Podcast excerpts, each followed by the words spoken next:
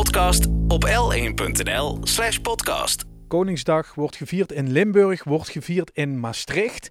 En dan is het altijd leuk om even de verstandhouding van de Oranjes met onze provincie te bestuderen. Dat heeft voor ons gedaan Hugo Luiten, onze huishistoricus. Hugo, welkom. Ja, dankjewel. Ja, we zijn natuurlijk een beetje laat bij dat hele koninkrijk uh, erbij Ja. gaan horen. Hè? Ja. Ja, je, goed, je kunt je natuurlijk afvragen wat, eh, ja, wat het, wat die, wat die festiviteiten hier in de provincie zijn natuurlijk onmiskenbaar eh, eh, st- soberder dan, eh, dan elders. Iedereen die hier naartoe verhuist, die, die valt dat ook meteen op. Ik heb als verhalen gehoord van mensen die zeiden van ja, als, als carnaval er al zo gevierd wordt, wat zal dat dan wel niet geven met Koningsdag? Maar dat valt dan heel erg tegen, want er gebeurt eh, nagenoeg eh, niets.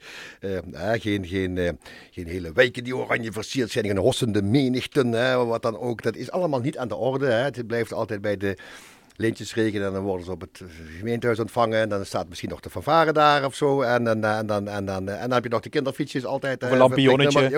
eh, en, eh, dat, nou, en dan was het dan. Hè. Nou, iedereen is om, eh, om vier uur weer thuis, hè, spreken. Dat is een beetje de, de... En dat is in de rest van het land toch wel anders. Zelfs in de meest... ja, ik zal maar zeggen, eh, eh, eh, bij mijn matige streken van het land, daar ja, wordt dat echt uitmuntend. Het is echt een soort, ja, een soort Hollands carnaval, zou je kunnen zeggen. Dat is echt Ja. wel wat ze, wat ze... En dat kun ik je van harte overigens. Maar Misschien missen ze de vasteloven wel, dat dat er niet is. ja, dat zou zomaar kunnen dat elke, iedereen toch wel eens tijd een keer een flink feestje wil hebben. Maar de, de, de, de, de hypernerveuze de, gevoelens die zich nu op dit moment losmaken in de rest van het land, die zijn hier volstrekt afwezig natuurlijk. Ja. is, moeten we toch wel eerlijk in, in zijn. En dan kun je natuurlijk afvragen waar dat door komt. Hè? Hoe, wat, wat, eh, wa- wat is dat? er? Daar moet een verklaring voor zijn. Dat kan niet zomaar... eh, ah, dat is natuurlijk ook wel zo. Ik heb een paar verklaringen zelfs. Ehm Ten eerste natuurlijk altijd, alle feestelijkheden zijn een traditie. Hè? Alles, eh, al carnaval gezegd, maar alle, alle wat, wat eh, grotere feesten waar mensen hè, ja, wortelen in een bepaalde traditie. En die traditie die, die komt ergens vandaan. Dat, dat gaat vaak verder, heel erg ver eh, terug. En eh, het Oranjehuis, dat was eh, in de tijd van de Republiek, hè, dat spreken we voor 1800, was al enorm populair. Hè, in, in het gebied waar de Republiek het voor het zeggen had. Ja. En met, met name boven de rivieren. Vader des vaderlands, daar begon hè, dat allemaal. Willem van Oranje Ja. en dan zijn opvolgers, al die, die stadhouders, hè, die waren allemaal van Oranje. En die waren eigenlijk altijd heel populair waren die bij het volk. Hè, als die dan ergens kwamen, dan strooide het ook met geld en zo. Dan werden er, en nou ja, dat waren ook echt feestelijkheden toen al. Dus, dus ehm, wat dat betreft eh, is dat daar al eeuwen geweest. Maar hier Limburg, dat maakte voor een grootste gedeelte geen deel uit van die republiek. Maastricht, Venlo. Ehm, en dan ja, een beetje het Heuvelland, wat verspreide lapjes. Daar hebben ze nog al lang over gebakkeleid, welk lapje bij welk. Maar, ehm, dus, maar voor het overige waren hier ook nog eh, andere eh, eh, eh, machthebbers. Hè? Dus de, de, de, de- ja, de Spanjaarden, later de Oostenrijkers, de bisschop van Luik. nou ja, noem maar op. Er waren allerlei heren. Ehm, dus het was helemaal, ah, het, het was helemaal geen één gebied zoals wij dat Echt nu een kennen. lappendeken, hè? En het was Ja. lappendeken. En ja, die hoorden in ieder geval niet bij die republiek. Daar hadden ze helemaal Ook die gouden eeuw en alles wat daarmee samenhangt is hier eh, totaal niet aan de orde geweest. We zeggen wel eens van, eh, hier was het zelfs een ijzeren eeuw. Het was hier een stukje, stuk minder. En, eh, maar goed, dus dan hoor je daar dus al, al niet bij. En bovendien waren natuurlijk die, die oranjes waren protestants. Ja, dat, dat is natuurlijk. eh, En, en ja, hier was eh, vrijwel iedereen, 98% was katholiek. En die, die, die paar procent, dat was dan echt eh, bij wijze van spreken. Ja, nou ja, in de gebieden waar de Republiek het wel voor het zeggen had, daar hadden ze wat bestuurders vaak naartoe gestuurd. Ja, die waren protestant. Maar, maar verder was iedereen was katholiek. En ja, dat maakt het ook natuurlijk wel heel erg moeilijk om. om ja, om, om, daar, om daar warme gevoelens voor, voor te ontwikkelen. Ja, die, die 80-jarige oorlog bijvoorbeeld was voor een deel ook een godsdienstoorlog. Ja, voor een deel wel. Er, is heel Ja. veel, er zijn heel veel factoren dat het zo wel ver voeren om daar allemaal op in te gaan. Maar inderdaad, die, eh, zo werd het zeker in, eh, in de 19e eeuw, waar we dan zo meteen uitkomen, werd het wel een beetje opgevat, een beetje uitgelegd. Eh, Kijk, we hebben toen tegen die, die papen, hè, tegen de katholieken hebben we gevochten. En die gaan we nou niet eventjes bij, eh, gelijkwaardig behandelen. Dat was echt niet de, de bedoeling. Hele lange tijd, dus echt nog eeuwen later was dat nog altijd een, een, een, een dingetje, zeg maar. Overigens bij de katholieken, en dus ook Limburgers zelf, ook wel. Wat opvalt is dat Brabant net zo katholiek was, maar daar speelde dat soort gevoelens veel en veel minder. Misschien omdat Brabant, maar nu gaan we ook weer een beetje uitweiden, dat zal ik niet doen, maar eh, wellicht omdat Brabant eh, wel eh, voor het grootste gedeelte tot die republiek behoorde. Weliswaar als een soort eh, ja, wingewest, een, een, een, een generaliteitsland heette dat dan. Ze hadden niet echt heel veel inspraak, maar goed, dat gold voor de meeste mensen, de gewone mensen niet. Eh, maar die hoorden er wel bij. Hè? Dus, dus, en dat is was hier in Limburg gewoon helemaal niet. Ze, ze, ze hoorden dan een ander land, het buitenland. Dus ja, ja. En uh, misschien dat, uh, ja, dat dat wel de twee voornaamste redenen zijn. Dus die hebben, die, die gedeelde geschiedenis is er dus niet geweest, waar we zo meteen wat dieper op in zullen gaan. En uh, de, en het geloof. Dat zijn de twee uh, items waardoor het Koningshuis uh, ja, hier toch echt wel veel minder de handjes op elkaar krijgt dan in de rest van het land. Dan moet je ook nog eens bedenken dat de, de tijd waarin dus op een Limburg dan wel tot dat koninkrijk ging behoren, dan zitten we in de 19e eeuw. Limburg werd pas in 1867 een volwaardig lid, een volwaardige provincie van het koninkrijk. Tot die tijd waren er andere vormen, waarover zo meteen meer. En, ja, dat, en even teruggerekend tot het moment waar de Fransen kwamen, 1794, zit er dik 70 jaar tussen. In die 70 jaar tijd, is een mensenleven zeg maar, hè, is, is men hier vijf keer van machthebber gewisseld. Ik zal ze toch voor de mensen die dat grappig vinden eens, eens even opnoemen. Uh, dus in 1794 kwamen de Fransen hier, dus gingen ze van het ancien regime, hè, wat er toen waren, dus ook het andere regime waar ze ook woonden. Ja, Hugo, want mensen hebben de Bataafse Republiek in hun hoofd, daar hoorden wij hier niet bij, hè? Helemaal niet, niet, niet, niet, bij. Dus wij werden in 1794 veroverd door de Fransen. en vanaf dat moment waren wij Frankrijk ook echt. Het was ook echt niet eens een, een, een, een, een uh, zeg maar een, een, bevriende natie. Nee, het was, wij waren Frans. Vanaf dat moment waren wij van Frankrijk. En dus dat was de eerste wissel. Dan gaan de Fransen weg. In 1815 wordt dan het, het, Koninkrijk der Nederlanden opgericht, Verenigd Koninkrijk der Nederlanden opgericht, met België en Luxemburg erbij. Dus dat is het tweede. Dan gaan we van het Verenigd Koninkrijk in 1830 gaan we naar België, althans het grootste gedeelte van de provincie, behalve Maastricht, maar de rest ging allemaal over naar België. Met hart en ziel gingen ze daarover. Ze uh, waren helemaal voor uh, de Belgische opstand. Dan uiteindelijk wordt er nog tien jaar bijna over gebakkeleid. 1839 gaan ze weer van uh, België naar Nederland. Maar ik zal zo meteen nog kort even uitleggen. Maar dan ging ze ook nog bij de Duitse Bond. Dat was een soort, uh, ja, een soort, uh, ja, een soort NAVO zou je kunnen zeggen. Maar dan van, van, van de Duitse landen, inclusief Oostenrijk en Pruisen. En dan ook nog inderdaad dat piepkleine Limburg, dat hoorde er wel bij. en dan 1867 pas, en dat is de laatste wissel, ze hebben er dan vijf, gingen ze van die Duitse Bond definitief over naar als, als provincie van het Koninkrijk der Nederlanden. En dat zijn dus ja, vijf keer wisselen en in totaal zeven verschillende machthebbers. Dan krijg je ook een beetje het gevoel van, goh, ja, wie zal het over tien jaar weer zijn? Hè? Uh, het is niet gezegd dat dit voor de eeuwigheid is. Dus het was ook niet meteen een noodzaak om zich nou meteen uh, uh, over te leveren zeg maar, aan, aan de nieuwe, weer de zorgende machthebber. En voor heel veel Limburgers was dat al generaties lang het feit dat eens in de zoveel tijd er wel weer iets gewisseld of geruild of veroverd werd. En ja, het was het balkon van Europa. Daar werden ook menig robbertje werd daar uitgevochten. En uiteindelijk werden er altijd weer met grenzen geschoven. En uh, ja, dat was een beetje ook het in het DNA terechtgekomen van de mensen van ja, we moeten het hier uh, ter plekke, lokaal, moeten wij het goed voor elkaar hebben. En ja, wat ze daarboven allemaal bedisselen, ja, daar hebben wij toch geen. Uh, en dat is toch een beetje, als je heel eerlijk bent Ruud, is dat ook nog een beetje de huidige, ja, mag je dat zeggen? Volksaard. maar ja, wel een beetje van, uh, ja, ja, uh, iedereen, ja... Die dood maar gaat. Dood maar gaat. Ja. En ik, ik, het zal mijn tijd wel duren. Dat, ja. dat is wel een beetje toch een basishouding van heel veel Limburgers.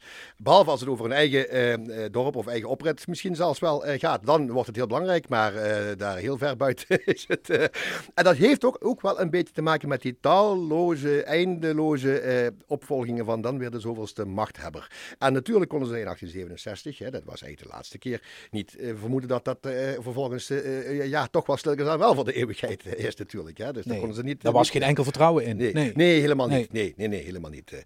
En ja, die, voor die Limburgers waren die Oranjes en de schuine streep de Hollanders. ja, ik weet dat ik daar mensen in het oosten van het land misschien mee beledig of in het noorden, maar ja, toch iedereen. iedereen de, ja, ik zeg altijd, voor veel Limburgers begint Holland al achter Veldhoven, zeg maar. Ja. en de, ja, is dat, was het gewoon op dat moment de, de zoveelste machthebber. En uh, ja, we zullen wel zien waar het, waar het ergens uh, stopt natuurlijk. Hè. En uh, ja, en inderdaad, als die, die, die, die Fransen dan hier inderdaad weggaan, gaat dat ook bijvoorbeeld al, hè, dan ga ik een klein stukje terug, maar dan gaat het ook uh, inderdaad niet lang goed. 1815 zijn we dan lid van het Verenigd Koninkrijk en in 1830, 15 jaar later, komt er een opstand, de Belgische ja. opstand. En Limburg was er zeer enthousiast in. Ik, heb er, ik ben er ooit op afgestudeerd op dat onderwerp, ook archiefonderzoek gedaan en dan zie je in zo'n klein, echte verschillende kleine dorpen gewoon, hè, nietige, nietige vlekken op de wereldkaart. En die hebben dan eens, is, is er een bladzijde leeg. En dan draai je die bladzijde om. En dan staat daar helemaal groot over de hele pagina met, met ganzenveer natuurlijk geschreven, Belgen. Dan, dus kennelijk zo'n burgemeester of zo'n, die, die, die, die, die voelden dat ook echt zo. Die waren daar heel, heel, heel erg blij mee dat ze uh, van die Hollanders verlost waren. Want die koning Willem I die maakte het ook wel erg bond. Hij heeft niet gek veel gedaan om uh, zeg maar, de liefde van zijn volk zich te, te, winnen. En ehm, ja, vooral katholieken, daar moest je niks van hebben. De, de bestuurselite die was nu eenmaal Franstalig. Dat kwam nog voor een deel uit de Franse tijd. Maar bijvoorbeeld, ja, grote delen van Limburg die hoorden tot het prinsbisdom Luik. Daar was ook al eeuwenlang de bestuurstaal. Als je in Luik iets wilde, moest je dat ook in het Frans doen. Dan was dat niet anders gewend. En dat moest opeens allemaal veranderd. Iedereen moest Nederlands eh, spreken. Daar had, had hij enorm veel problemen mee gekregen. En uh, anderen waren er alweer wat, wat positiever tegenover. Dan hebben we over fabrikanten als Regoe bijvoorbeeld. Hè. Die zag wel de positieve invloed van zo'n koning. Maar ja, die... Uh, die pottemannetjes, hè, zijn, zijn arbeiders, die dachten daar dan weer heel anders over. Hè. Dus dat was altijd, Maastricht was altijd een roerige, oproerige stad. Nou ja, dus die gingen met hart en ziel over naar die, uh, naar die, naar die België. En uh, ja, dat heeft dan toch nog negen jaar geduurd. Uh, en iedereen dacht eigenlijk dat dat wel bekeken was en dat we bij België zouden horen. Maar uiteindelijk hebben de machthebbers in uh, Europa besloten dat het niet uh, zo ging. Uh, dat had met een aantal dingen te maken. Dat is misschien toch wel even interessant om dat even uit te leggen, omdat veel mensen dat niet weten. Maar om. Ehm, kijk, als we nou naar België gegaan zouden zijn, dan, was, zeg maar, dan had tussen België en Duitsland was er, was er niks. Ja, dan had België aan Duitsland gegrensd, helemaal. En dan maakt het niet gek veel uit, want in de Ardennen is dat ook het geval. Maar dan zeg ik het al, de Ardennen. En dat is een moeilijk doordringbaar gebied. Het ging om het stukje daarboven, wat wij nu Limburg noemen. Dat was een vlakte. Ja, de Maasvallei, dat is, dat is toch echt niks. Uh, Daar wandel je zo doorheen met je leger. Ja. En die Pruisen met name, die vertrouwden die Belgen niet. Die dachten dat zijn, die zijn veel te Frans gezind. Vroeg of laat gaan die op een akkoordje gooien met die Fransen. En dan komt er weer een soort Napoleon terug. Dat zou overigens ook nog echt gebeuren. Ook nog.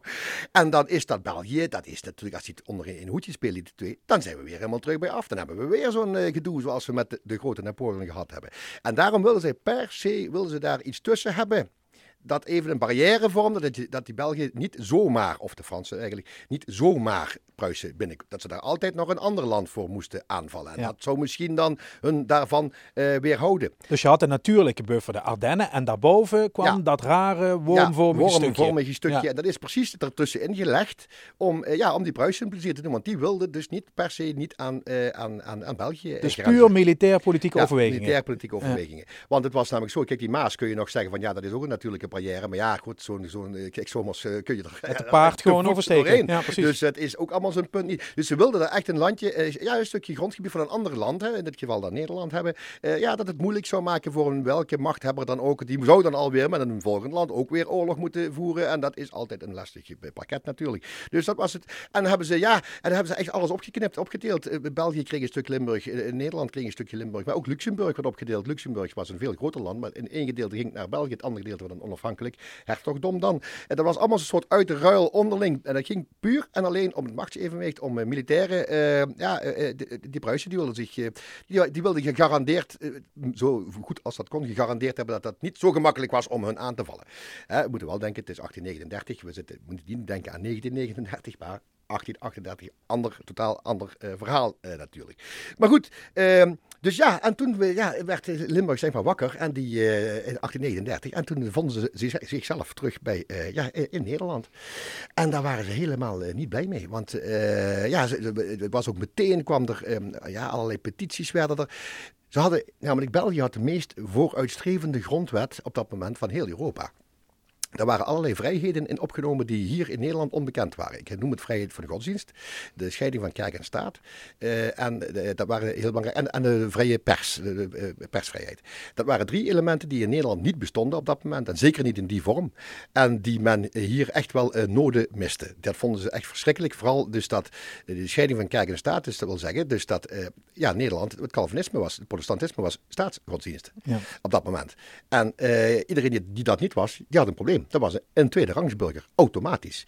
En kwam ook dus niet in aanmerking voor allerlei uh, hoge functies. Dat, was, uh, was, uh, ja, dat, dat, dat, dat, bestond niet. Dat dus niet. België toen als meest vooruitstrevende ja. land van Europa, zou je kunnen zeggen. En de, ja, en de Limburgers gingen dus terug van het meest vooruitstrevende land van Europa naar het, ja, wil ik het niet overdrijven, maar goed, was een beetje achterlijk, Naar het meest ja. achterlijke land ja. van Europa. Hè. Ik wil het nooit niet overdrijven nogmaals, maar ja, dat, voor heel veel mensen zal het, het was niet veel soeps. Zeker voor de culturele nee. elite was het natuurlijk wel een enorm probleem. Heel veel mensen konden niet eens lezen, dus die konden niet eens de krant kopen. Daar ging het dan ook uiteraard uiteraard ook enorm. Maar goed, de culturele elite die had dat natuurlijk wel heel erg. En ook die, de scheiding van kerk en staat, de, vrije godsdienst, ja, dat was allemaal, hier was het het, het, protestantisme, dat was de, de staatsgodsdienst. Maar toch ook economische, Hugo, België, dat was het natuurlijk te halen ook. Hè? Daar was de industrie al in opkomst en, en hier was het boerenachterland. Ja, daar waren al plannen voor spoorlijnen tussen Hasselt en, tussen Antwerpen en Aken, laat ik het zo zeggen. En, Hasselt, Maastricht was daar een van de trajecten van die, die plannen, die waren er al. werden door de, door de 1830, door die oorlog, werden die even on hold gezet. ja goed, toen, moest het, kreeg je die negen jaar dat het een beetje onduidelijk was van ja, waar, waar gaat het uiteindelijk nu naartoe? Dus, maar, ja, maar uiteindelijk is die spoorlijn er wel gekomen. Maar dat leidde ertoe dat als je bijvoorbeeld in 1855 naar, vanuit Maastricht naar Amsterdam wilde, dan moest dat via Aken, want die spoorlijn lag er. En dan was je tien uur onderweg.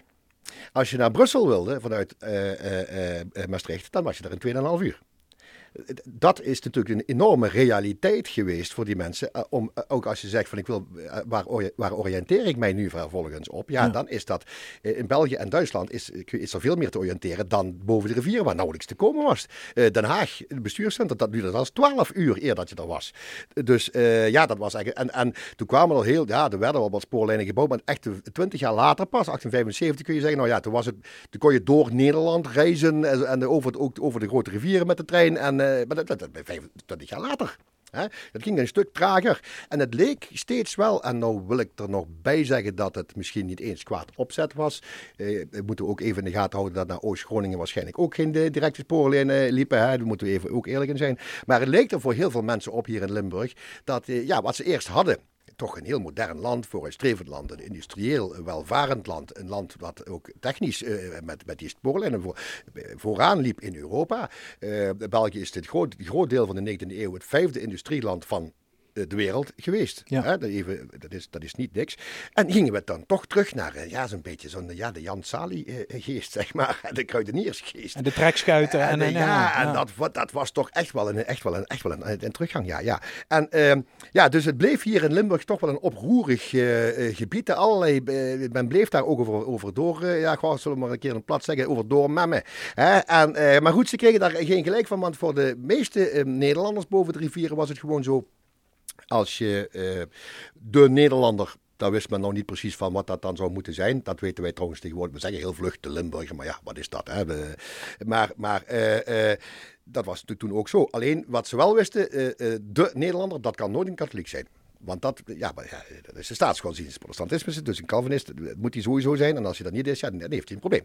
En dat alleen al, dat soort die tweede rangsburgers, dat zat die Limburgers natuurlijk ook wel heel erg dwars. En dan krijg je dat, dat, dat blijft zo wat, wat door uh, etteren eigenlijk. En dan heb je 1848, dat noemen ze het revolutiejaar. Dat is in Frankrijk een grote revolutie geweest, die ook een omwenteling teweeggebracht heeft. Maar ook in Duitsland is er een revolutie geweest. En ja, wij waren dus lid van die Duitse Bond. Hè? Dus dat was een soort, ja, hoe moet je dat nou zo gemakkelijk mogelijk, zo'n militair samenwerkingsverband van alle Duitse vorsten zowel Oostenrijk als Pruisen, de twee grote. Maar ook Beieren, dat is een midden, grote middenklasse, zullen we maar zeggen. Maar ook dat piepkleine Limburg. En de koning van Nederland was ook hertog van Limburg. En eh, uit die hoofden had hij ook recht om op die vergaderingen en die besprekingen bij te zijn. Maar het was natuurlijk voortdurend voor de Nederlandse regering, was dat een, een, een, eh, ja, een verschrikking van, ja, wacht eens even, dat enorme, die enorme Duitse bond, wat gaat die allemaal aanvangen? Wat gaat die, we gaan die dadelijk eh, oorlog voeren met, uh, ja, met Rusland, dat don't know, met Engeland, weten dat, met Frankrijk, weten allemaal niet wat er allemaal gaat gebeuren. Dan zijn wij ook een oorlog. Ja, en, Dan, en dan wordt het via dat wormvormig aanhangsel worden meegesleurd in een of andere volgende, en dat, daar waren ze toch wel, de, de Limburgers hadden ook twee paspoorten, van Nederland en van die Duitse bond. Uh, de Limburgers die in militaire dienst moesten, dat zat toen iets anders in elkaar dan tegenwoordig. Of dat is ook wel afgeschaft. Maar goed, het was niet geen. Maar ja, dus als alles in dienst gingen, dan was dat in de dienst van die, uh, van die Duitse Bond die kazernes die er dus lagen, die in Roermond, en dat, dat, dat, waren kazernes die waren van de Duitse Bond. Alleen Maastricht hoorde er niet bij, want dat was al van oudsher een Nederlandse vestingstad. Daar zat het Nederlands uh, garnizoen. Alle andere uh, plaatsen waar het leger uh, zat, dat was allemaal. En die jongens, onze boerenjongens, die moesten, ja, die hadden een, ja, ja, een Duits pakje aan. Dan klinkt dat al, moet je in die tijd zo niet zeggen hoor. Maar ja, goed, ze waren in ieder geval in dienst van die, van die Duitse Bond. En ja, dat was 1848, is dat een revolutiejaar. En uh, kijk, die Duitse Bond, dat was eigenlijk een soort samenwerkingsverband, zeg ik nou, maar die, die vorsten allemaal. In Duitsland had je er 38, waaronder dus ook de Nederlandse koning. En eh, dat was puur vanuit die vorsten, hè? Die, die, koningen en die keizers, eh, die regelden dat allemaal. Hè? En uh, die 1848 kwam er een, een soort ja, volksopstand. Nee, het volk moet dat gaan doen. Het land blijft hetzelfde, het gebied blijft hetzelfde, daar veranderen, we hoeven niks aan te veranderen. Maar wij willen van die vorsten in ieder geval dat die zoveel macht hebben. Daar willen we vanaf. En nou ja, ook Limburg was zeer enthousiast wilde daar aanvankelijk uh, echt wel aan meedoen, 1848. Er waren echt uh, ja, annexatieplannen, zeg maar, separatistische bewegingen, zo moet ik het beter gezegd, eh, separatistische, die zich los wilden maken van Nederland en definitief bij die Duitse bond wilden gaan horen. En daar, ja, dat was toch echt wel het grootste gedeelte van de bevolking. Tot, tot twee derde aan toe, mensen die, twee derde van de bevolking die daar, ja, de separatistische ideeën op nahielden. Wel, ja, er zijn stemmingen geweest en mensen die dan toen kies, hadden. Hè? Dus hoe de, hoe de, de, de, voxpop, zoals ze tegenwoordig zeggen, hoe het, gewone volk erover dacht. Ja, die werden opgezweept, denk ik, of zo. Maar ook overal waren opstootjes, relletjes. Eh, in grote plaatsen, Heerlen, Sittard, Roermond. Eh, Maastricht natuurlijk. Dat was altijd oproer. Zo'n beetje. Maar ook IJsden heb ik ertussen zien staan. bijvoorbeeld, dat was toch maar een klein top. Daar waren dus overal, iedereen wilde toch dus voor die Duitse bond. En de Nederlandse regering die dacht, tja, wat moeten wij daar eigenlijk mee met dat Limburg? Hebben we daar iets aan? Groeit daar iets wat wij willen hebben? Is daar, wonen daar mensen die ons nastaan? Zijn daar, is daar iets te halen? Ja, overal nee, nee, nee, nee. nee. Uh, en ja, uh, dat, dat ellendig stu, stu, strookje grond werd er, zei de minister van Justitie. En uh, wat, voor je het weet slepen ze er ook nog een oorlog in. en omdat die revolutie daar in Duitsland, in Frankfurt was dat allemaal te doen, die mislukte uiteindelijk. En de Duitse vorsten namen weer het voortouw. En uh, daardoor is die, separatisme niet uiteindelijk afgeketst, niet doorgegaan. Is dat gewoon niet. Maar ze zaten nog altijd uh, een beetje met dat, met dat Limburg van Verdorie. Wat, ze waren, in Holland waren ze ons ook eigenlijk ook liever kwijt dan Rijk. Je moet denken, er waren nog, nog, nog geen sprake van de steenkoolmijnen of zo. Er was ook niks te halen. Het was uh, ja, toch vrij landelijke omgeving, vrij arm. spraken een taal die niemand begreep. hadden een geloof dat niemand, bijna niemand deelde. ja, wat, wat, wat moet je er in godsnaam mee? En ja, uh, dat was natuurlijk heel erg moeilijk en, en dat bleef zo'n beetje doorhobbelen. Uh, goh, heel veel dingen werden natuurlijk ook niet meteen uh, aangepakt. Goh, net zoals dat tegenwoordig vaak jaren duurt eerder iets opgelost is. Ehm, en dat wat het meeste toch bleef zodat het op een gegeven moment toch naar boven kwam, was dat katholicisme. Daar, daar, daar hadden hier de, bevolking, waarschijnlijk ook wel opgehitst door de pastoors, toch wel wat, steeds meer last van. En nu was er ook nog een ander item. Sinds de Nederlandse opstand, hè, dus de 80-jarige oorlog, eh, waren er hier geen bisdommen meer. Eh, Limburg hoorde wel nog dan tot het bisdom Luik.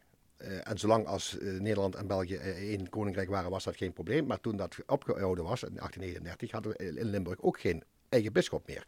En in 1853, we hadden net een kerstverse nieuwe grondwet gekregen. Die, daar stond wel de scheiding van kerk en staat in en de vrijheid van geloof. En volgens de grondwet mocht je dus weer opnieuw bisdommen inrichten. En de paus, meteen, die greep zijn kans. Dan gaan we dat ook in Nederland doen. En die had vijf bisdommen had hij in gedachten en dat heeft hij dan ook gedaan. Limburg werd een eigen bisdom. En toen brak er in, boven de rivieren een, een, een, een wervelstorm los. De, de, de, aprilbeweging ging dat heten. Die gingen zich af, actief verzet met alles wat ze in huis hadden om dat te voorkomen dat er bisschoppen weer werden benoemd. Die worden benoemd door een vreemde heerser, zijn de, de paus natuurlijk. Ja. En uh, men, men wantrouwde de Limburgers echt oprecht van, ja, maar wat zijn dat voor, voor rare figuren? Ja, we, hebben een koning, ja, oké, en jullie horen daar ook bij, bij dat koninkrijk. Ze hebben gewoon te doen wat wij hier zeggen. En die paus, wat heeft die daarin? Wat heeft die daar nou nog mee te maken? Jullie moeten daar helemaal niks mee. Ja, dat is natuurlijk voor een katholiek heel erg moeilijk. De paus is de plaatsvervanger van God op aarde, hè? dus dat, is, dat was toch wel een kwestie. Ja, uiteindelijk kon, is er is een kabinet overgevallen. Eh, de koning heeft zich eh, actief met die aprilbeweging bemoeid. Die ondersteunt financieel, maar ook eh, in woord en daad dus. En ja, dat maakte hem hier in natuurlijk niet bepaald populairder. Maar die regering is gevallen omdat ze gewoon grondwettelijk geen poot hadden om op te staan. Ze moesten, die, er is vrijheid van geloof. Dus je moet die, ja, er is, wettelijk gezien kan je daar niks tegen beginnen. En ehm, ja, dat werd knarsetandend boven de rivieren werd dat geaccepteerd. En ja, die verhoudingen waren toen, dan zitten we rond het midden van de eeuw waren die echt uh, ja, volkomen verzuurd. Daar was, uh, daar was weinig weer goed meer van te maken. En uh, ja, dat bleef dan ook weer even wat door etteren. En, en de... Ja, en dan kwam er op een gegeven moment heel laat pas in de jaren 60 bijvoorbeeld persvrijheid pas. Nou ja, nou ja, officieel was er persvrijheid. Alleen uh, op kranten was een extra belasting, dat heette het dagbladzegel. Dat is pas in 1865 afgeschaft in België, al in 1830 even, om even verschil aan te geven. En, uh, en, en die, dat dagbladzegel maakte dat kranten zo duur waren dat niemand dat kon betalen. Dus je, kon, je mocht daar wel inschrijven wat je wilde. En iedereen mocht het ook lezen, maar alleen de, de, bereik was nee. die klein, maar niemand die boerenknechten konden ja, niet betalen. Die, nee. die krant niet om te nee. lezen. Hè. Dus dat was een soort verkapte persvrijheid eigenlijk. Hè, die, op die manier. Nou ja, en, um, dus ja, dat was dan toch allemaal een probleem. En eigenlijk door een geluk bij een ongeluk. Of omgekeerd misschien zelfs. Brak er dus, eh, kijk, in Duitsland kreeg je namelijk, dat ging, die gingen daar, die zaten, ook niet stil, die Duitsers. Die zeiden, ja, kijk, we hebben nou die Duitse bond. Dat is allemaal leuk en aardig, maar dit is een soort samenwerkingsverband en we komen er eigenlijk nooit uit altijd ruzie. Die vorsten onder elkaar. Zoveel ja, ook. Hè? Ja. dit waren er veel te veel. Ook nog allemaal de ene nog hoger daar. Hè? De, de Pruisische koning en de, de Oostenrijkse keizer eh, voorop natuurlijk. Maar de koning van Beieren, die was ook daar. Ook een groot, eh, groot land. En, ja, en, ja, op een gegeven moment zeiden ze van, voor die Bismarck, de naam zal enigeen wel iets zeggen. Een kanselier. Hè? De ijzeren kanselier. IJzeren kanselier, de premier. Hè? Nou ja, heel veel macht had die goede man. En die, goede man, ja, gewoon, de man. En die, uh, die had zich wel ten doel gesteld, ik wil van dat Duitsland, wat er nu is, uh, en dan, uh, ik, wil hoe dan ook, links of rechts, wil ik daar één land van maken. Dit is het samenwerkingsgebeuren, dat, dat, dat, gaat, dat, dat wordt hem niet. En... Um, hij had zelfs al berekend, kijk, zelfs dat Oostenrijk erbij is eigenlijk wel veel van het goede. Dat is te groot. Dat gaat niet. Kijk maar naar Rusland, dat, dat krijg je ook nooit. Is ook nooit een gooien van. En toen heeft hij een serie oorlogen is hij begonnen. 1864 tegen Denemarken, 66 tegen Oostenrijk en 70 uiteindelijk tegen Frankrijk. Drie oorlogen op rij die allemaal ten doel hadden uh, een soort externe vijand te creëren en op die manier uh, het volk in Duitsland zelf helemaal achter uh, één Duitse verenigde zaak te krijgen. En dat moet dan zo enthousiast worden dat het uiteindelijk een koninkrijk en later wel het zelfs keizerrijk wordt. En dat is precies gelukt. Helemaal. Precies zoals hij zich dat bedacht had. Helemaal gelukt. Alleen, uh, toen kregen ze hier de schrik dermate te pakken, want daar heb je het al, hè, waar de scherpslijpers boven de rivieren al lang voor gewaarschuwd hadden van ja, zometeen sleuren die, die, die stomme Limburgers ons nog, nog met hun katholiek gezeur nog, nog een of andere Europese oorlog binnen. Ja, daar waren er al, uh, de eerste was al geweest, 65, 66 kwamen die Oostenrijkers. Beide keren is dat Limburgs contingent niet ingezet uh, hoeven worden. Hoe dat precies zit, weet ik zelfs niet eens, zou ik moeten opzoeken, maar goed. dat is in ieder geval niet ingezet actief. En, maar die bond die patste uit elkaar. Ja, die Oostenrijkers en de Pruisen zaten er samen in. Die kregen samen ruzie. De Brüderkrieg ja. wordt dat genoemd, 1866. Ja, het is met de NAVO ook klaar als twee handen, ja, landen elkaar gaan bevechten natuurlijk. Ja, precies. Dus, ja, ja, goed. Ja. En dus uh, die bond patste uit elkaar. En toen heeft uh, ja, Limburg en Nederland de kans gewoon gezien. Oké, okay, ze gaan hem niet meer opnieuw oprichten. Prima, dan zijn wij ook weg. Dan uh, stappen wij eruit. Mm. Dat was inmiddels 1867. En toen werd Limburg toen pas, toen pas werd Limburg voor de eerste keer ja, een, een, een, een officieel, officiële provincie van, uh, van het Koninkrijk der Nederlanden. En uh, het gebruik dat wij hier nog altijd hebben, dat we de gouverneur zeggen tegen de commissaris der koningin, dat heet het in de rest van het land inmiddels al zo. Maar ja, hier was het nog altijd gouverneur. want dat was namelijk een gouverneur die hier zat in het hertogdom Limburg, omdat Limburg namelijk officieel geen provincie was. Nee. Dus zat er dus ook geen commissaris koningin, maar zat er dus een, uh, een gouverneur. En officieel is uh, pas in 1904 is dat hertogdom, die titel is weggevallen. dus tot die tijd uh, ja, kon je dat met goed fatsoen nog zeggen dat je een, dat je een gouverneur had. En dat is ook zo gebleven. En tot op de dag van vandaag is het zo gebleven. En ik vind het ook altijd wel grappig dat wij een gouverneur hebben. de rest heeft dat niet. maar, het is ook, maar daar komt het, uit die tijd komt het dus vandaan. Maar ja, eh, dan zit je daar hè, in 1867. Uh, ja, eigenlijk ja, ja, uh, weer een Limburgse uitdrukking te gebruiken voor de vod gezorgd. Hè. Dat, het, is, is, is van de moeders, hè, zeggen ze in, in, België. De Nederlanders boven de rivieren wilden ons eigenlijk zo heel graag niet. Limburgers zelf wisten niet goed wat ze ermee aan moesten. Katholiek, katholieken waren in ieder geval daartegen. Hadden in ieder geval wel een hele dubbele rol. Want die katholieken zijn natuurlijk uit de aard der zaak altijd heel erg gezagsgetrouw. Ja, braaf. Braaf. Ja. Braaf zijn. En uh, dat botste natuurlijk wel met elke, elke vorm van welke revolutionaire gedachte dan ook. Hmm. Dus de pastoors hadden het in zoverre, waren die echt wel, probeerden die, en ook zie je, lees je ook al in de kranten wel terug, probeerden die wel om steeds uh, vaderlandslievend te zijn en ook voor vorst en vaderland. Uh, enerzijds was het met de mond, werd dat wel beleden.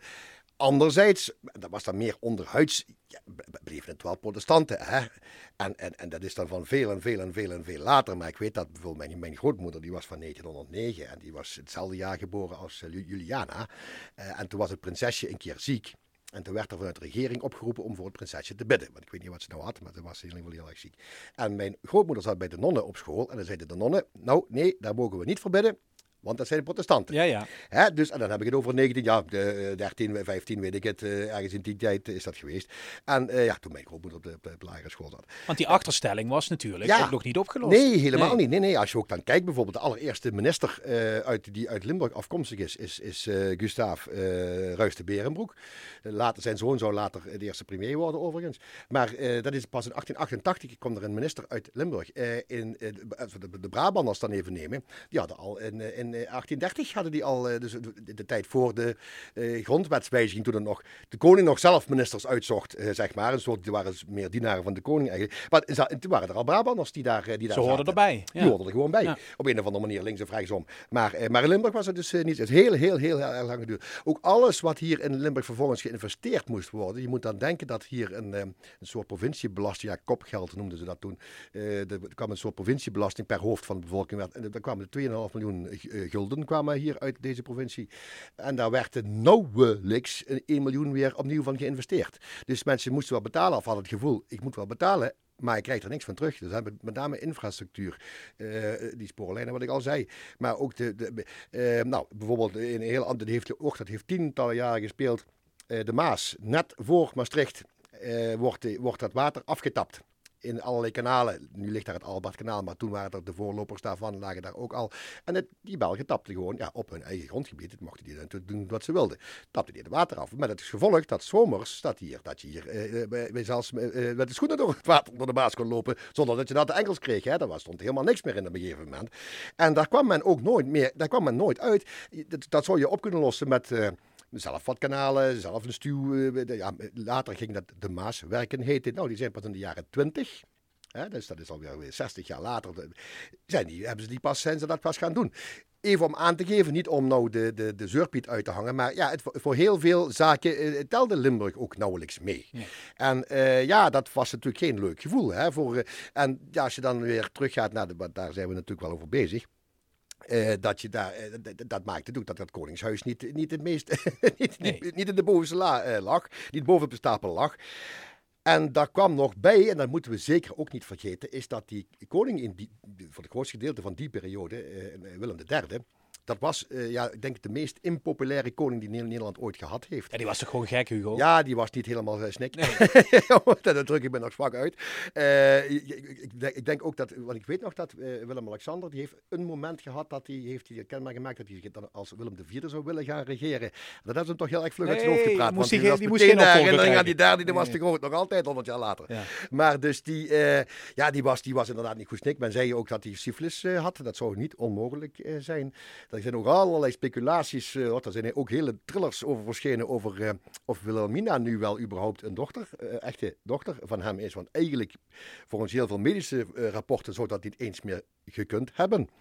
Maar goed, daar ga ik me niet aan wagen verder. Maar de man was dus overal zeer impopulair. Eh, ook in die tijd, eh, dan zitten we eh, de jaren 70 en 80 van de 19e eeuw, ook de opkomende eh, eh, socialistische beweging, bijvoorbeeld arbeidersbewegingen.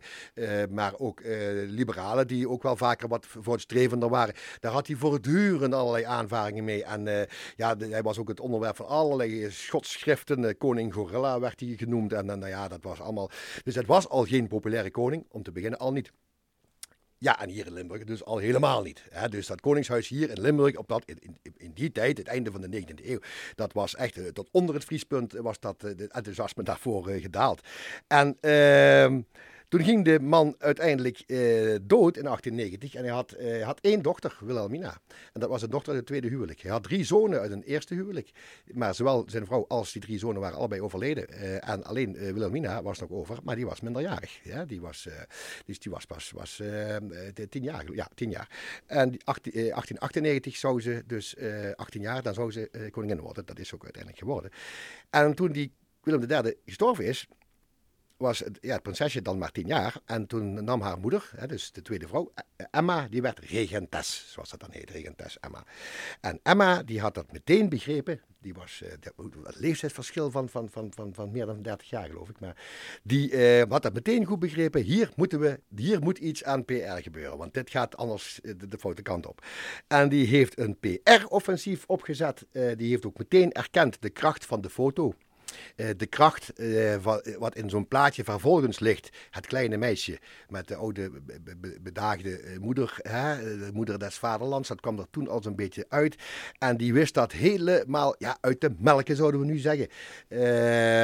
En die heeft een reis door heel Nederland ondernomen. En die is in 1890 al meteen begonnen. Want ja, goed, officieel zou, zou, zou Wilhelmina natuurlijk als koningin zijn. Maar ze was alleen minderjarig. en, en we reizen met de, met de nieuwe koningin, zo gezegd, door het land. En het heeft wel even geduurd, want pas in 1895, vijf jaar later, jawel hoor, deden ze ook Limburg aan. Maar op een of andere manier is dat is de eerste keer geweest dat hier uh, iets van uh, oranje liefde uh, te ontdekken viel. En als je schrijvers uit die tijd, dat Felix Rutte heeft daar bijvoorbeeld een heel mooi stukje over geschreven, wat hij zich nog uit zijn jeugd kon herinneren, zegt hij van ja, eerst die, die, dat, Koningshuis, dat was, was totaal niet geliefd niemand vond daar iets aan. Maar dat ze dan in 1895 ineens die provincie kwamen bezoeken, dat ze helemaal hier naartoe kwamen. De koningin en de koninginmoeder. Nou ja, daar waren ze, dat waren ze zo. Ze wisten niet of ze nou, of ze nou vereerd of, of blij of gelukkig, of, uh, maar dat die aandacht er was. Dat was uh, werkelijk. Uh, dus daar kwam een enorme ja, enthousiasme maakte. De mensen stonden langs de spoorlijn, want ze deden alleen maar Venlo en Maastricht aan. Maar ze stonden langs de spoorlijn te juichen. De vlaggen hingen uit. Elke klok eh, van de kerk werd geluid. En, de, de, ja, en dan stond er in de kranten in het noorden van ja de ontvangst in, in, in Friesland en Groningen was dan cool te noemen geweest. Dat had natuurlijk alles te maken met die Willem III, die niet zo heel erg populair was. Maar in, in Limburg, tot ieders verbazing, want eerst hadden ze nog eh, hele protocollen opgesteld hoe het prinsesje beveiligd, of hoe de koningin, excuseer, beveiligd moest worden. Want daar in dat donkere zuiden, je weet het maar nooit met die katholieken. En ze dachten meteen misschien aan Willem van Oranje, die door een, door een katholiek vermoord ja, is. Ja, ja, ja, maar dat soort discours hadden die scherpslijpers, hè, die, die echte diehard eh, Calvinisten, die, die hamerden daar voortdurend op dat soort dingen allemaal op. Dan hoefde maar een bezuiniging te zijn. En dan zeiden ze, ja, dat komt alleen maar omdat jullie hier die, die, die katholieke kerken weer toestaan. En die moeten zo wilderig ingericht worden dat er ergens gaan... Ja, van die flauwekul allemaal. Maar goed, dus die waren daar voortdurend. En die waren zelfs veiligheidsmaatregelen. Want ze dachten van, ja, verdorie, dan hebben we helemaal geen koningshuis meer. Maar ja, tot ieders, ieders verbazing eh, werd dat echt een succestocht. 1895 is toch echt de eerste keer geweest dat daar eh, van oranje enthousiasme iets, iets te bespeuren viel. Maar het was eh, ook wel een beetje ontstaan uit complete verrassing komen ze helemaal hier naartoe. Echt zo van, wat krijgen we nou? Hè, dat hebben we nog nooit meegemaakt. Nou ja, dat, dat was ook een beetje natuurlijk zo. Dat, dat, hadden we ook nog nooit meegemaakt. En ja, dat is eigenlijk de eerste keer dat... En dan zie je... Dan komen een paar lijntjes eigenlijk samen. Wat er al een tijdje bezig was, wat ik al gezegd heb, dat die kerken die deden wel uh, ja, van de kansel toch vaderlandsliefde en, uh, en, en, en, de koning en de koningin dan later. En de, als, die, als die dan jarig waren, werd daarvoor gezongen in de kerk. En, en, en, en, en uh, dat is een, een, prachtig lied. En dat moeten we misschien maar eens een keer draaien. Het is echt wel heel erg leuk. Maar moet ik wel even zoeken waar het eigenlijk staat. ja, Heer, bescherm onze koningin. Dat ja. is het in, in, in, het, in, het, in, het, in het... Ik heb het nog in Latijn. Ik kom het zo meteen wel tegen. Maar de dat werd dan in de kerk gezongen. Hè? En, en, en, eh, dus dat was al een tijdje bezig. Alleen die liefde was dus niet geheel wederzijds. Anderzijds krijg je dus ook bijvoorbeeld, dat is ook allemaal in dezelfde tijd, net, net iets ervoor, net voor, net voor dat succesverhaal van Wilhelmina. Bijvoorbeeld ook zo iemand als, uh, als uh, Pierre Kuipers, de architect, die kreeg dan grote opdrachten. Het Rijksmuseum, het Centraal Station in, in Amsterdam tientallen kerken door heel Nederland heeft hij heeft die mogen bouwen. Dus die emancipatie van de katholieken was heel erg stilletjes aan, kwam die eh, op uh, Frans Erens schrijver, ook zo iemand, uh, die kwam heel langzaam, kwam dat op gang, al eerder, net of net ervoor. dus dat paste eigenlijk heel erg goed in mm. elkaar. En ehm, ja, toen die, die, dat zo'n succes werd hier, en ook dat ook wel bleek dat het wederzijds was, en dat het prinsesje en de koningin en, en, en regentes en wie dan ook allemaal meer daar ook oprecht van waren aangedaan uh, van de, van de volksemotie. Uh, ja, dan werd het ook wel een beetje wederzijds eh, van, van twee kanten. Nou ja, goed, kijk, het is natuurlijk wel zo dat dat dan altijd nog redelijk dat hebt ook weer weg. Hè? In zo'n succesreis, daar heb je niet dat uh, volkomen Nee. bezoedelde imago mee. eh, Ze konden ook niet ieder jaar komen Nee, natuurlijk. ook nog niet Nee, Nee, nee, nee, nee, nee, Dit duurde al vijf jaar. Maar, ehm, dus, dus dat hebt dan ook wel weer een heel klein beetje weg. En wat eh, uiteindelijk, wat wel, dat, is echt de katalysator geweest, het scharnierpunt, het, het omslagpunt, is de Eerste Wereldoorlog geweest. Eigenlijk een, eh, een steen in een rimpeloze vijver eh, gesmeten, want vanaf dat moment in één klap, echt van de ene op de andere dag, was Limburg volledig afgesloten van het, buitenland, waar het normaal gezien heel erg veel contact mee had met Ja. Duitsland en met België. Maar dat waren beide oorlogvoerende landen. Dus daar, Duitsland kon je wel naartoe reizen, maar alleen was dat, eh, zeker als de oorlog eh, wat vorderde, heel erg moeilijk. De geallieerden eh, waren voortdurend bang voor allerlei aanvoer via Nederland van allerlei wapens en wat dies meer zei. Dus daar moest je ontzettend goed oppassen om de Nederlandse neutraliteit te bewaken. Dus dat was heel erg moeilijk. België kwam je helemaal niet in. Daar kwam eh, iemand zelfs prikkeldraad eh, omheen te staan. Eh, dus, dus dat in één klap was Limburg volledig afgesneden van het buitenland, waar het normaal heel erg veel contact mee had. Je moet bedenken, ik heb het hier al eens vaker gezegd volgens mij, maar dat in, tot 1914 was de gangbare munt die hier gebruikt werd, was de Belgische frank. Ja. Daar werden arbeiders mee betaald, daar werden huizen mee verkocht. Dat stond in de krant als je een perceel grond wilde kopen, stond altijd in Belgische frank. Heel af en toe, je moet er naar zoeken als je er gulden bij wil, wil zien staan. Eh, ja, de frank, Belgische frank, dat was het betaalmiddel hier. Dat was de valuta die hier gebruikt werd. En ehm, ja, dat veranderde ook meteen. Want die, daar kon je niet meer aankomen. Da, da- ja, als, je, en als je ze nog had liggen, dan kon je er niks meer mee doen. Want eh, dan kon je verder nergens meer betalen. Dus toen, toen moesten, ze, moesten ze wel die gulden gaan gebruiken. Waar natuurlijk Wilhelmina op stond. Hè? En eh, toen beseften de Limburgers ook heel erg goed, ik zou bijna zeggen, het wat belegen woord, maar drommels goed, Ja. dat, eh, dat ze aan die oorlogshel ontsnapt waren. Doordat ze lid waren van dat koninkrijk. Dat ze een provincie waren van Nederland. Dat had hun gered. Dat, daardoor waren ze eh, die, die, die dans ontsprongen natuurlijk. Hè. En eh, dat beseften ze ontzettend goed. En toen... ehm er kwam er zo'n soort, is een soort twee-trapsraket. Dus in eerste instantie die oorlog zelf. En meteen daarna kwam de tweede trap van de raket. Namelijk dat de Belgen in 1919, toen de oorlog afgelopen was, eh, hebben ze Zeeuws-Vlaanderen en het grootste gedeelte van Limburg opgeëist. Als, als compensatie. Zou je zeggen, compensatie? Nou ja, zeiden, ze, eh, zeiden die Belgen. Kijk, wij hebben natuurlijk wel, wij zijn in die oorlogsellende eh, gestort. Eh, en dat is voor een deel Nederlandse schuld, want jullie zijn blijven handelen met Duitsland. Daardoor is dat Duitsland nog een heel klein beetje blijven, blijven in, leven gebleven. En god weet hoeveel soldaten van ons dat daardoor, daardoor Ja, gesneuveld zijn. nou, dus het is niet helemaal onwaar, hè? En ja, iedereen vond het wel schromelijk overdreven hoor. Zelfs voor als je hoe, al zouden ze het nog zieliger gemaakt hebben, dan nog is het. Want wat ze dan voor het gemak vergaten, is dat Nederland wel 1 miljoen Belgische vluchtelingen had Ja. Opgenomen in 1914. Dat waren ze voor het gemak maar eventjes, eventjes vergeten.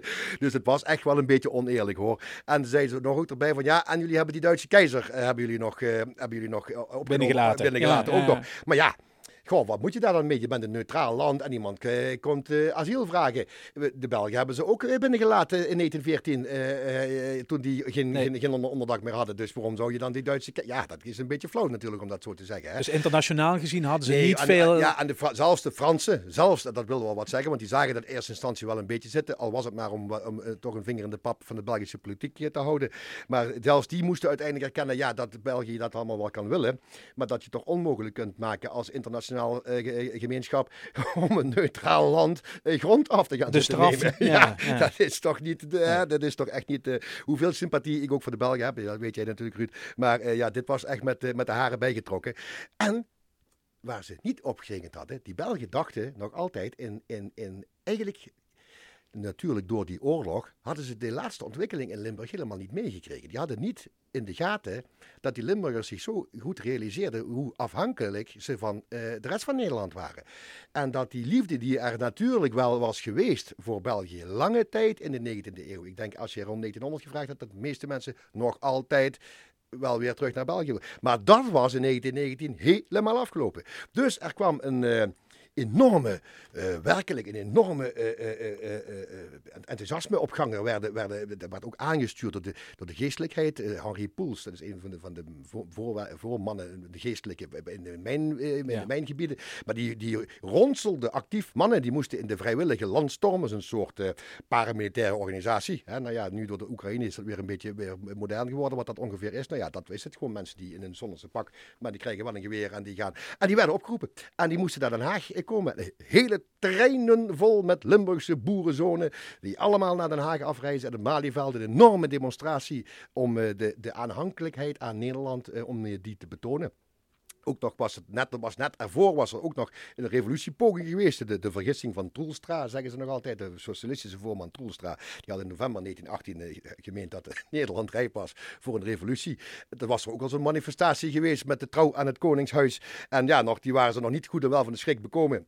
Die, die, die poging die is ook helemaal in, in, in het honderd gelopen. Dus ook verder totaal geen enkele sprake van dat hier een revolutie zou losbarsten. Maar toen waren ze nog maar net van de verbazing bekomen. En toen kwam dat annex, annexatieverhaal van die En dat werd in één grote... Uh, demonstratie van vaderlandsliefde en ook vooral koningsliefde, van ook, en zeker ook vanuit Limburg. Omdat die zich zo goed realiseerde. Eh, die waren ook vier jaar lang, was de enige provincie die vier jaar lang ook waar een militair gezag was gevestigd. Eh, zelfs in, in, delen van Noord-Brabant hadden men dat gegeven moment losgelaten. Maar in Limburg, omdat het helemaal omringd was door eh, ja, eh, oorlogvoerende staten, was er hier altijd een militair gezag gebleven. Het was die, die noodzaak van wij moeten bij dat koninkrijk blijven horen. Er was natuurlijk heel erg, dat lag bij iedereen. Dus was ook geen leuk. Er waren een paar, ja, Marchand d'Ansenbourg, die, die, die, graaf, die was een van de uh, annexatievoorstanders. Maar uh, ja, die kregen niemand, die kregen van niemand handjes op elkaar. Dat, dat, dat was meteen afgelopen. Dus, dus, dus, daar was niemand die daar zin in had. Maar toch, en, Hugo, waren daar ook economische motieven? Want ja. we hebben ook geleerd dat de vooraanstaande rol die België speelde in 1914 eigenlijk afgelopen ja, was. Ja. Die Duits, dat front heeft over Belgisch grondgebied gelopen heel lang. Ja. Eh, Duitsers hebben daar flink huisgehouden, industrie ontmanteld, ik weet niet wat allemaal. Het was natuurlijk ook klaar, hè? Ja, België was de vijfde industriestaat van de wereld in 1914. Echt de vijfde industrie ter wereld. Dat is, moet je, dat piepkleine België, vijfde industriestaat ter wereld. Staal, kolen, dat waren de voornaamste. Maar uh, dat was helemaal afgelopen in 1918. Die zijn ja, teruggecatapulteerd, zou ik bijna zeggen, naar de stenen tijdperk. Ja. Of naar de middeleeuwen. Uh, ja, zo uitgemergeld was dat land. Ze zijn er nog niet overheen, zou je bijna nou, zeggen. Dat heeft tot in de jaren 60 in de 20e eeuw. En toen kwam de, kwam de volgende economische crisis alweer. Maar zo lang heeft dat geduurd eer ze daar eens overheen waren. Dus die waren inderdaad, de economische rol was volledig uitgespeeld. En, toen, uh, en net toen, net voor de oorlog, rond de eeuwwisseling, maar net voor de Eerste Wereld. Toen kwam hier, werd hier ook, uh, werden, werden overal grondmetingen gedaan hoe diep die kolen eigenlijk hier zaten. Hè? Want in, in was dat dan wel, dat lag het bijna aan de oppervlakte. Maar hoe zit dat dan elders?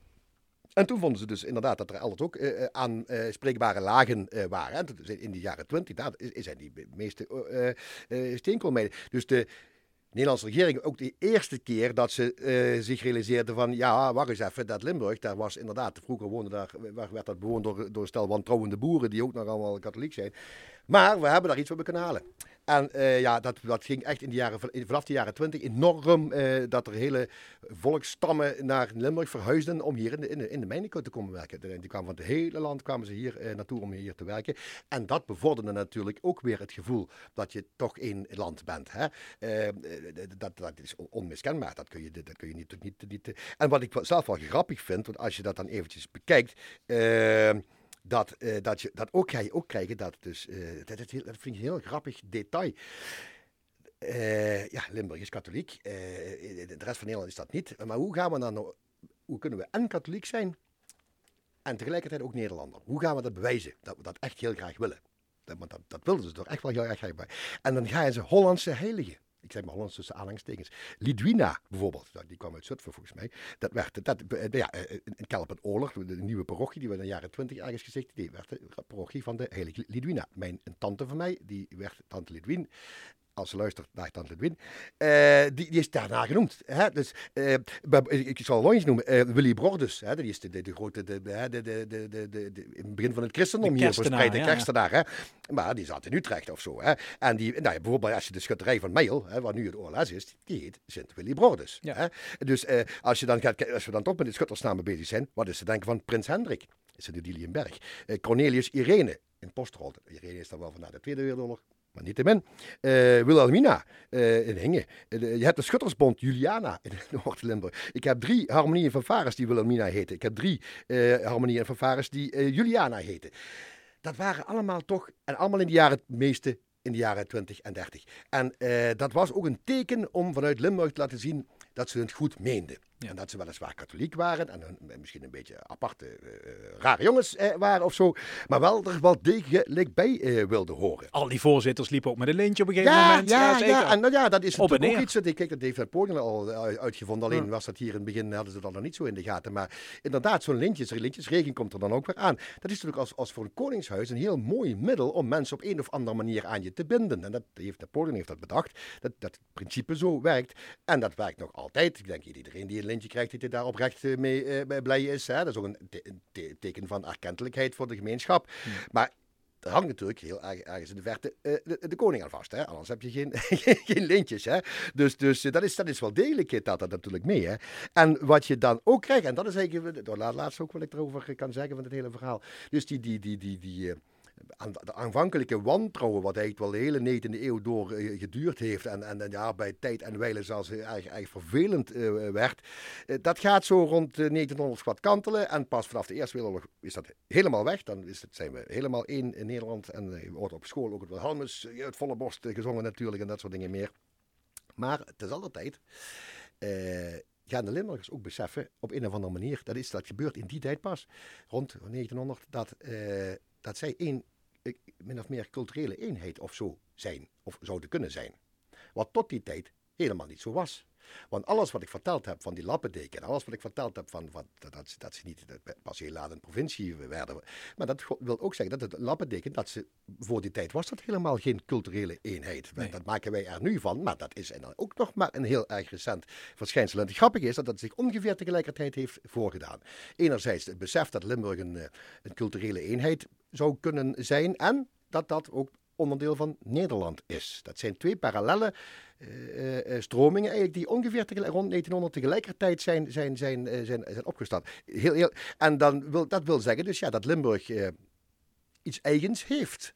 Maar, eh, maar tegelijkertijd wel iets Nederland, bij Nederland hoort. Dus we zijn een aparte provincie, waar veel mensen daar op vakantie gaan dat een stukje buitenland in eigen, eigen land is. En dat is precies ook wat het zegt. En dat willen wij Limburgers ook al te graag ons een beetje op laten voorstaan. Zo zijn we dan ook alweer. Maar eh, dat, is, dat, is, het wat in dezelfde tijd ontstaan is. Want in, rond 1800 was dat helemaal niet het geval. Eh, eh, iemand die in, in, in, in, in, eh, nou ja, in woonde, die ging, die ging naar Aken als hij iets moest. eh, Als hij echt iets, maar ja, Maastricht, dat was al een wereldreis. Bij wijze van spreken. Hè. Dat was helemaal niet het gevoel dat dat één gebied zou moeten zijn. Eh, Terwijl dat nu natuurlijk veel meer is, eh, of, of gewoon wel is. Hè? Dus, dus daar, eh, ja, en, en ehm, als je dan, en ik, je weet, ik woon, ik woon eh, parttime in, in België en daar heb ik mo- moeten vaststellen, toen ik daar een paar jaar woonde, dat eh, als je dan vanuit België naar, op enige afstand vanuit Antwerpen naar eh, Limburg kijkt, dat eh, dat, eh, Limburg zo eh, Nederlands is als het Hollands diep.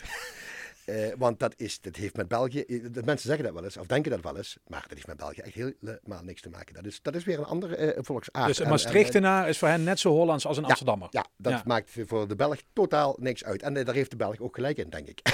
dat heeft ook echt gelijk in. Maar, maar dat kun je pas zien, en ik ben daar ook eerlijk in. Ik heb dat ook pas ontdekt toen ik la- la- langere tijd wat verder af woont. Dan, dan, dan zie je dat soort dingen pas. En als je dan de grens overgaat, dan zie je ook echt pas die verschillen die er weg wel degelijk zijn. En ja, Zeggen, ja, eh, la- la- la- laat ons- laat- laat ons maar bij die Belgen doe je het. Nou, ik denk niet dat je daar heel erg blij van wordt. Want dat is toch weer zo'n cultuurverschil. Dat daar zou ik nog niet... eh, wij zijn, eh, ja, we moeten het nogmaals toegeven. wij zijn Nederlandser dan het Hollands diep. Hier in Limburg. Maar tussen het Koningshuis en Limburg zal het nooit, denk ik, nooit een, een, een passionele liefde worden. Dat is nog altijd wat gereserveerd. Ja. Correct beleefd. Eh, bij, hij, hij is van harte welkom morgen en eh, bij Maxima natuurlijk ook. Maar, maar eh, d- dat, dat is het dan ook. Hè. Eh, mis- misschien hebben we nog een Limburgse jonkheer voor Amalia. Hè? Dan komt het weer goed natuurlijk. ja, hebben we Zo nog- opportunistisch hebben we zijn we nog wel. adel rondlopen Ja, die, vast toch wel, hè? die, die geschikt is. We gaan nog naar op zoek. We gaan op zoek naar adel. Dankjewel. Goed. Meer podcast op l1.nl slash podcast.